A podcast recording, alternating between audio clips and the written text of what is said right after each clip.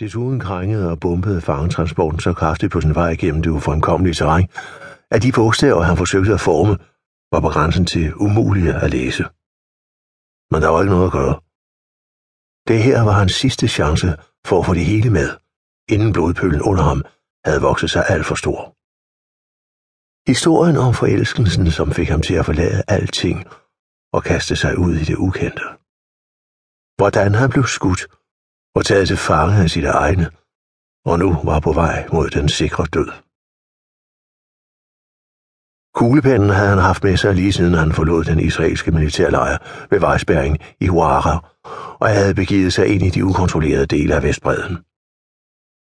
Papiret var nogle blanke sider fra dagbogen, han havde fundet i Tamirs rygsæk, og der havde han også fundet en brugt kuvert, som han vendte rangen ud på. Da han var færdig med brevet, foldede han arkene med sine blodige hænder, puttede dem i kuverten og forsøgte at lukke den, så godt han kunne. Han havde hverken frimærke eller modtageradresse. Han havde kun et navn. Alligevel tøvede han ikke med at presse kuverten ud gennem den smalle sprække og give slip. Den ville nå frem, om Gud ville det, tænkte han og gav efter for trætheden. Kuverten nåede ikke engang at ramme jorden, før den kraftige vind havde fat i den, og bar den stadig højere op mod den kulsorte, stjerneløse himmel. Endnu et uvær var rullet ind over Nablus bjerge, Ebal og Gerizim, og tiden mellem lynene, som oplyste mørket, og den dæmrede bulleren blev hele tiden kortere. Regnen hang i luften, og det var et spørgsmål om sekunder, før den ville slå kuverten til jorden, hvor vandet den sørre jord sit leret læret pløver.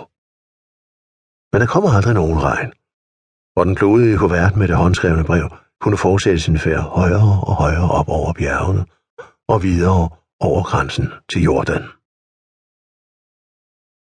Saladin med lå på sit lægeunderlag og spejlede op mod himlen, hvor lyset fra den grønne morgen gjorde sine første spæde forsøg. Den kraftige vind fra nattens uvær var endelig stillet af, og det så ud til at blive en strålende dag. Som om solen havde besluttet sig for at gøre himlen ren på hans 70-års fødselsdag. Men det var ikke det, som optog Saladin Khazamehs tanker. På trods af, at fødselsdagen var selve anledningen til hans 10 dage lange vandring, var han helt opslugt af noget andet.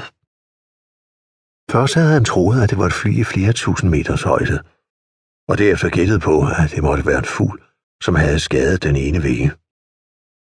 Men nu havde han ikke længere nogen anelse om, hvad det var, som kom dalende ned fra himlen et halvt hundrede meter foran ham i det klare sollys.